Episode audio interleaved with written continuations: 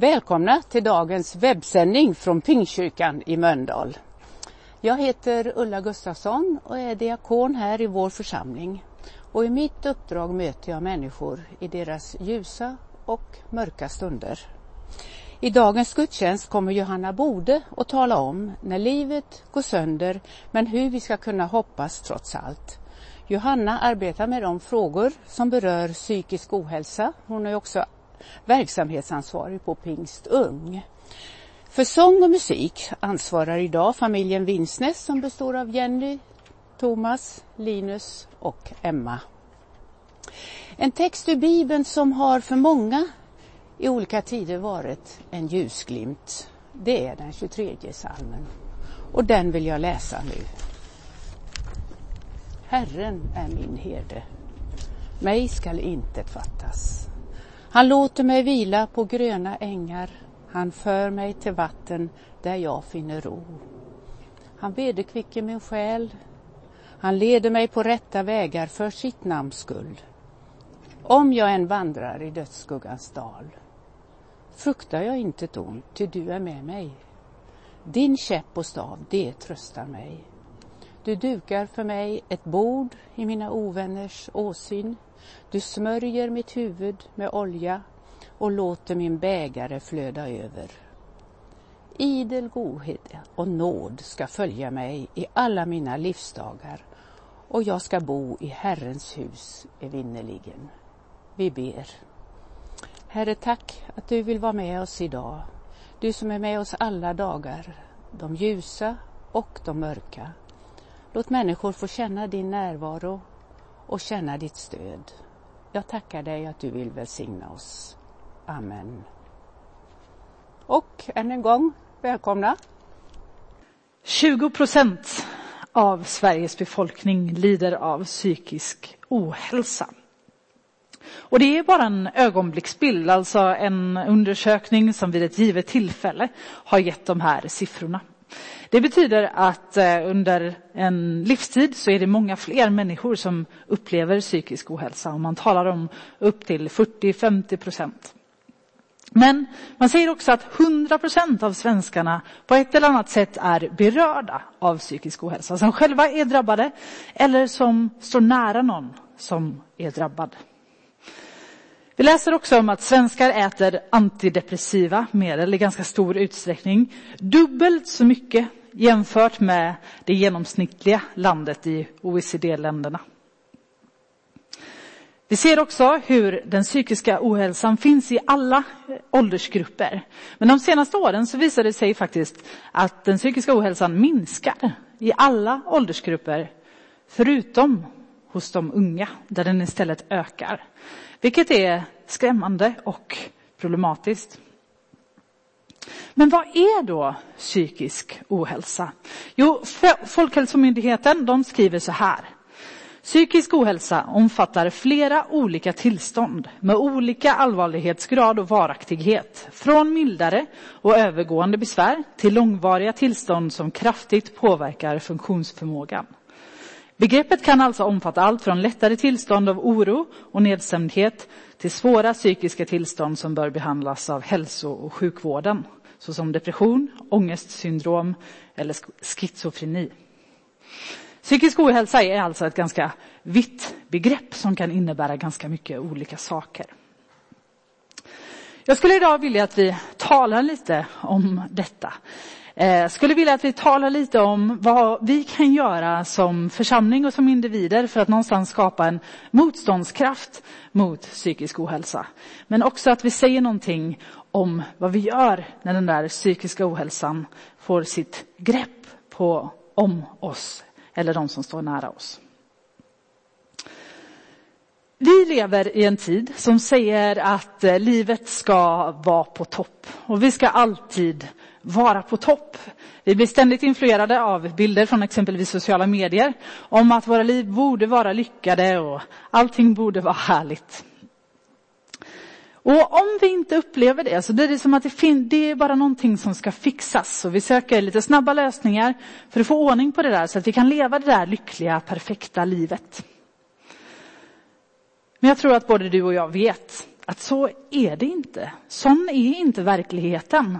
Livet går inte ut på att liksom komma till den här punkten när allting funkar och man är lycklig resten av tiden. Livet är faktiskt ganska tufft. Livet går upp och ner, men är ofta ganska tufft. Vi ska läsa från psalm 23. Herren är min herde, mig ska inget fattas. Han låter mig vila på gröna ängar, han för mig till vatten där jag finner ro. Han ger liv åt min själ, han leder mig på rätta vägar för sitt namns skull. Och även om jag vandrar i dödsskuggans dal så fruktar jag inget ont, för du är med mig. Din käpp och stav, de tröstar mig. Du dukar för mig ett bord i mina fienders åsyn.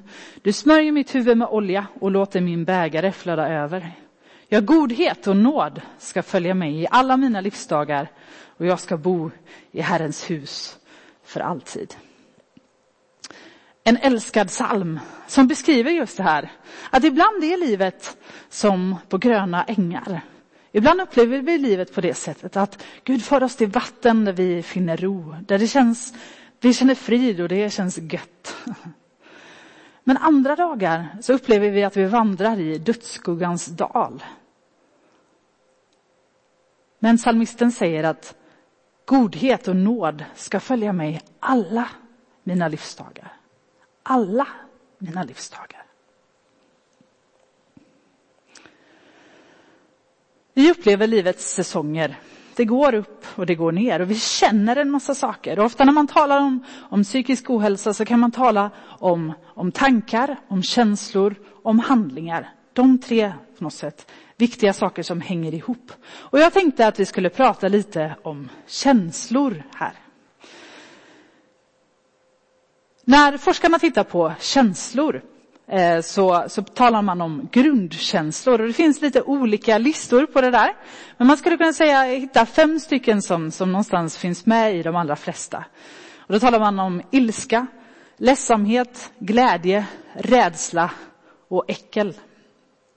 Och forskarna menar att vi behöver tillgång till hela det här registret av känslor för att vi ska kunna må bra. För att vi ska kunna ha en stabil mental hälsa så behöver vi finnas i kontakt med alla de här olika typerna av känslor.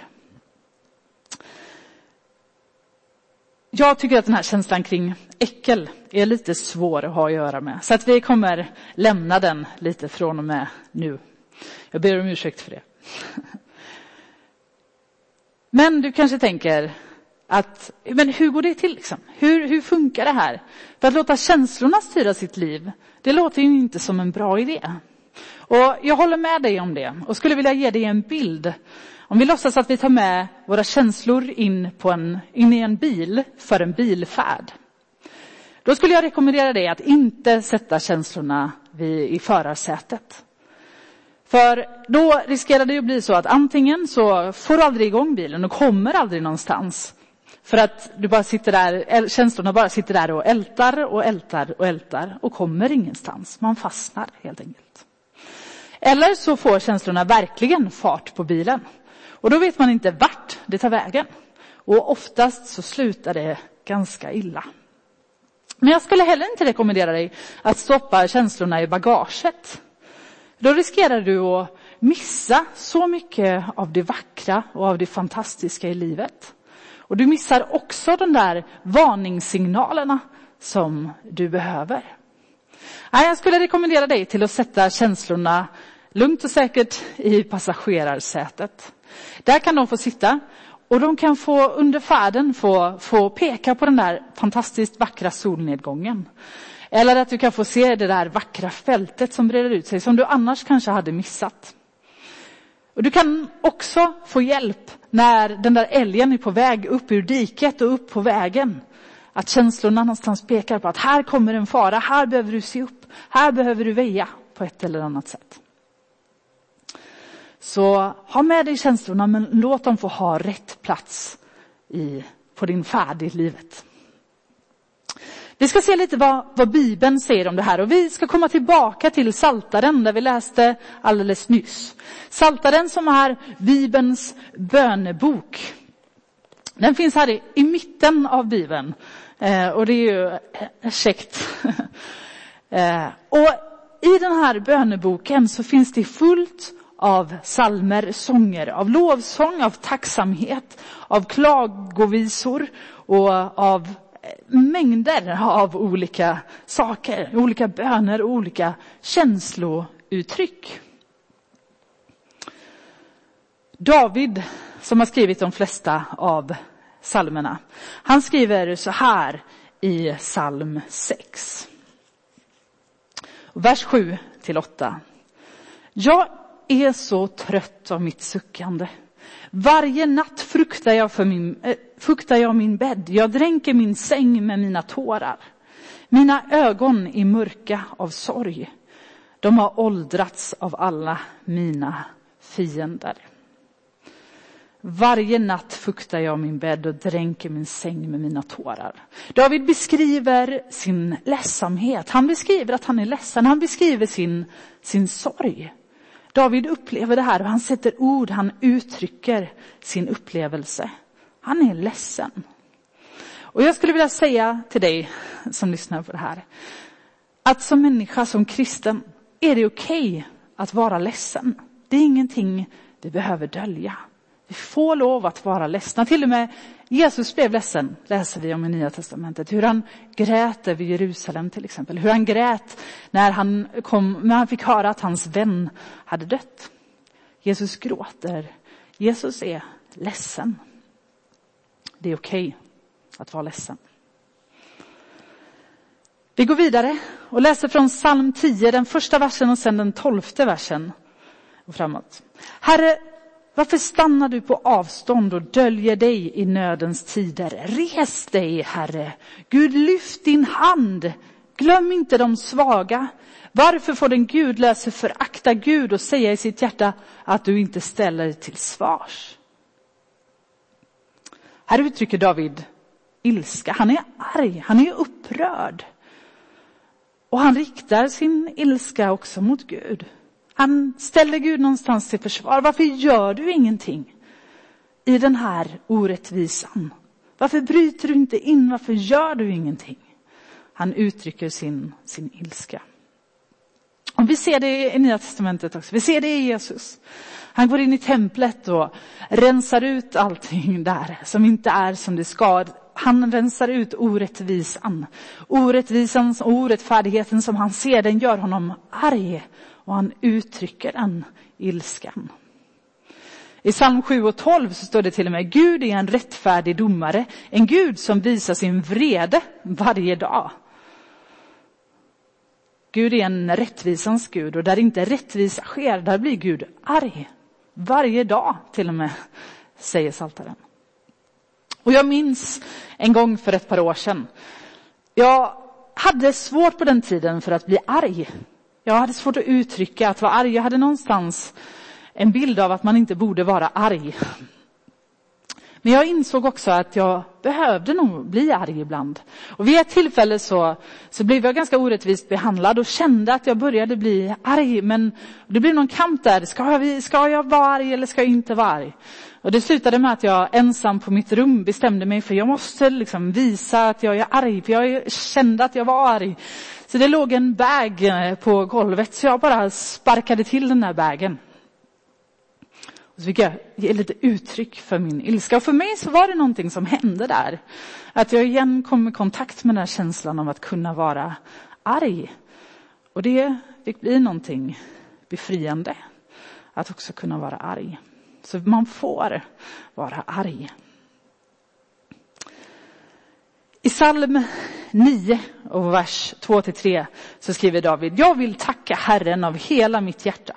Jag vill förkunna alla dina under. Jag vill glädja mig och jubla i dig. Jag vill lovsjunga ditt namn, du den högste. David han uttrycker sin glädje. Han uttrycker sin glädje över Gud. Han jublar av glädje. Han lovsjunger Gud. Precis som vi gjorde här innan. Och vi får vara glada. Vi får vara glada. Som kristna så får vi vara glada. Vi ser i Nya Testamentet igen hur Jesus han gläder sig. Han är en glad Gud. Jesus han har ett leende på sina läppar.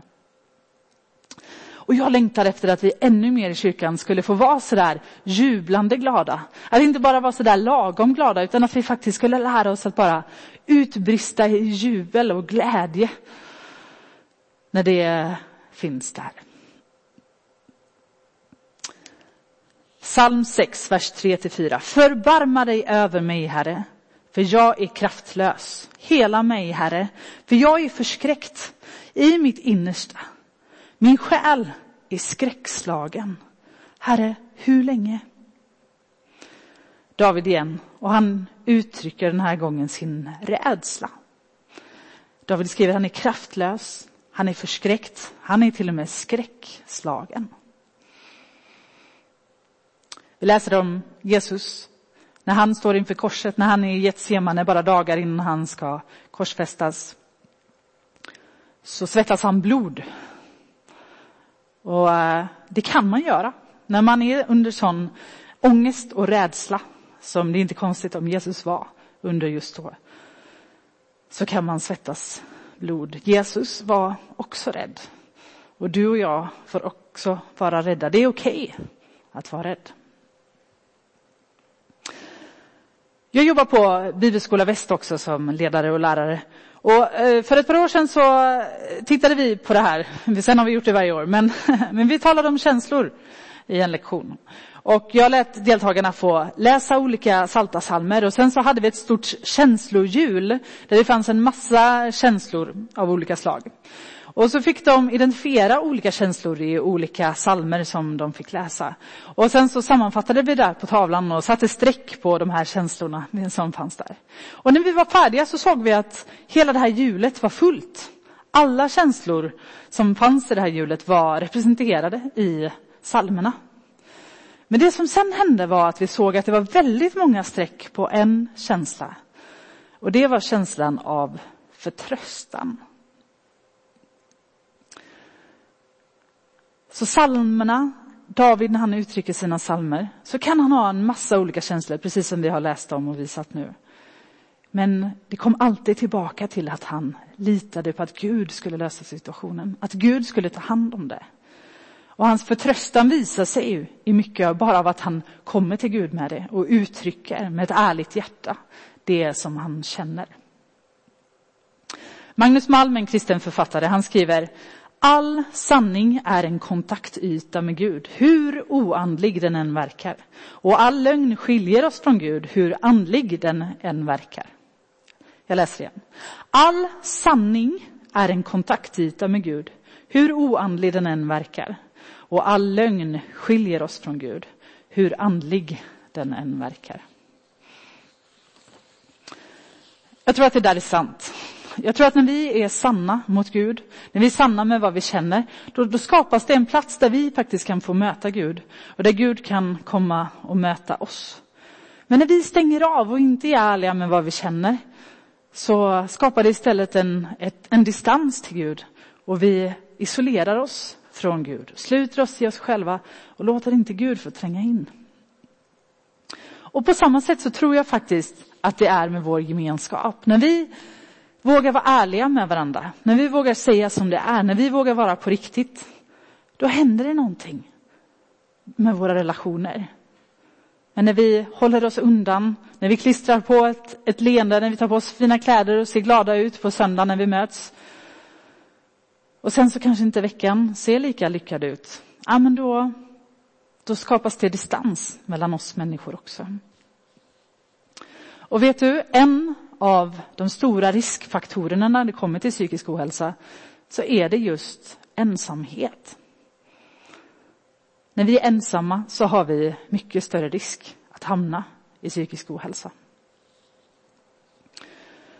Vi har under det senaste halvåret upplevt det här med social distansering och en del av er som tittar och många andra i vårt land har varit tvungna att sätta sig i isolation att inte träffa folk rent fysiskt. Och det kan vara extremt påfrestande. Men att isolera sig från människor på ett känslomässigt plan, att inte visa vem jag är, att inte visa vad jag känner och hur jag har det. Det är någonting som är nästan ännu mer destruktivt. Man kan ha väldigt många relationer, det ser ut som man har väldigt många vänner, men samtidigt känna sig väldigt ensam.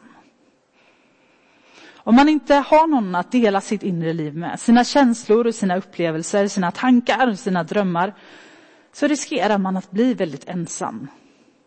Och den ensamheten är minst lika farlig som att sitta ensam hemma.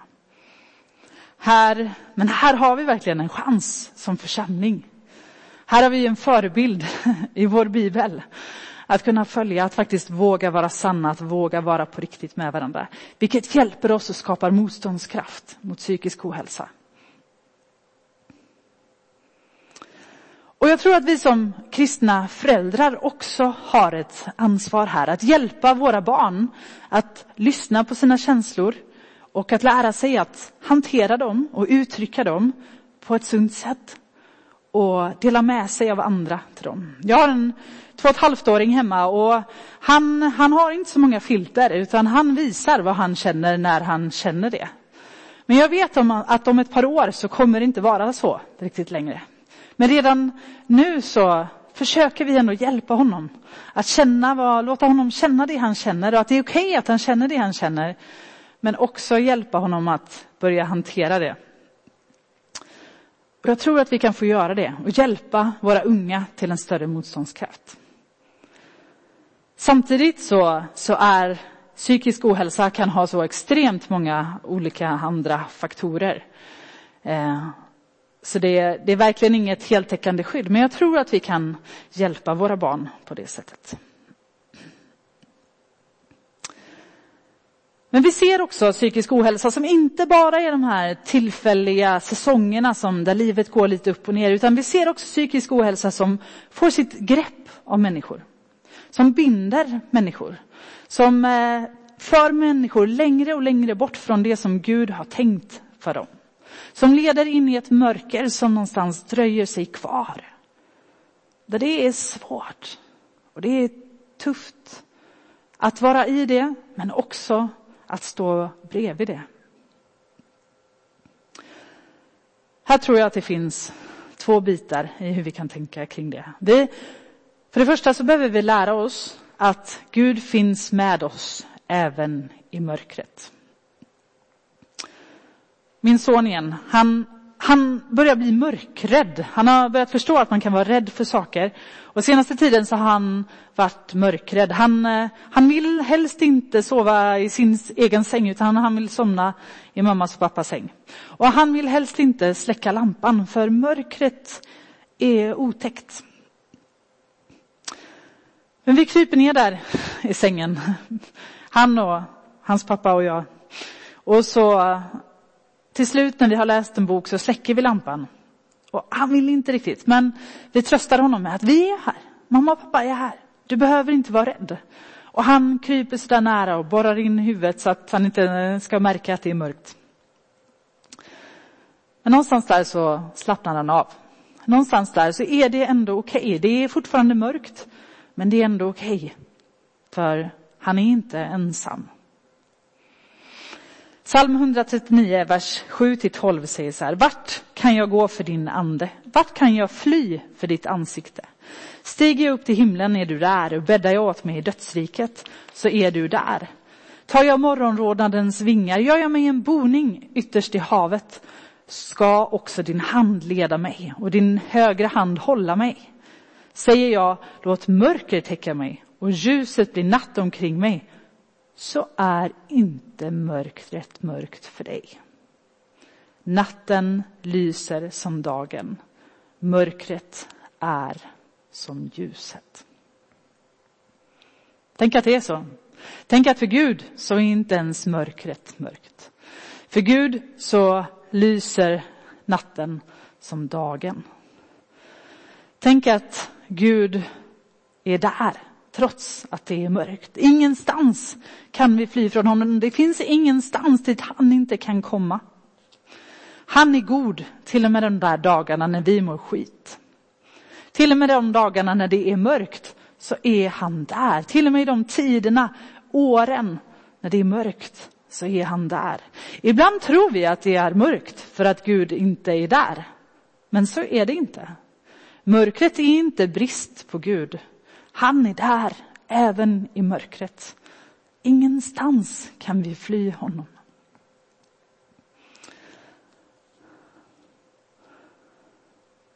Men det finns hopp om ljus. Det finns hopp om att mörkret, mörkrets tid är begränsad. Det finns hopp för psykisk hälsa, även för den som har upplevt mörker i åratal. För Jesus, han är vårt hopp. Och han kan bryta ner mörkret. Han kan bryta in i mörkret och sätta människor fria. Vi tror ju det. Vi läser i Bibeln om det gång på gång. Vi läser om kvinnan vid brunnen som har blivit socialt isolerad, som ingen vill liksom vara med, som är ensam och vi vet inte exakt hur hon mår, men vi kan tänka oss hur det känns att leva ett sånt liv där ingen riktigt vill ha med dig att göra. Men så dyker Jesus upp där vid brunnen. Och så börjar han vända upp och ner på allting. Så möter han henne som en riktig person. Så möter han henne som den hon är. Och så ger han henne ett nytt värde. Så ger han henne en ny identitet. Han ger henne en, en ny plats i sitt sammanhang. Och den här kvinnan går från att ha varit ingen, varit någon som varit utstött, till att vara någon som leder hela sin by till tro. Jesus kommer och han förändrar allt i ett ögonblick. Eller vi har mannen bland gravarna. Han som, som, som är naken och som skadar sig med stenar, som de försöker kedja för att liksom hålla, hålla fast. Men han sliter sig ur kedjorna. Ingen kan liksom få ordning på honom. Ingen kan hjälpa honom. Han är ett hopplöst fall. Ända till Jesus dyker upp. Jesus möter den här mannen och han befriar honom. Han befriar honom från allt hans mörker, all, alla hans kedjor, allt han är bunden i. Så gör Jesus honom fri. Och han, eh, han, han, ja, på ett ögonblick så blir han en ny person. Och han kommer tillbaka, han är klädd och han är vid sina sinnen och folk förstår inte hur, vad som har hänt. Var det inte han som var där vid gravarna? Det kan inte vara han. Men Jesus bryter in i mörkret och skingrar mörkret och gör det ljust. Men det händer inte bara i Bibeln. Det händer också idag. Min vän som brottades med psykisk ohälsa under hela sin tonårstid, som var mobbad i skolan och som levde med väldigt mycket mörker. Han kände Jesus, men ändå var depressionen tung.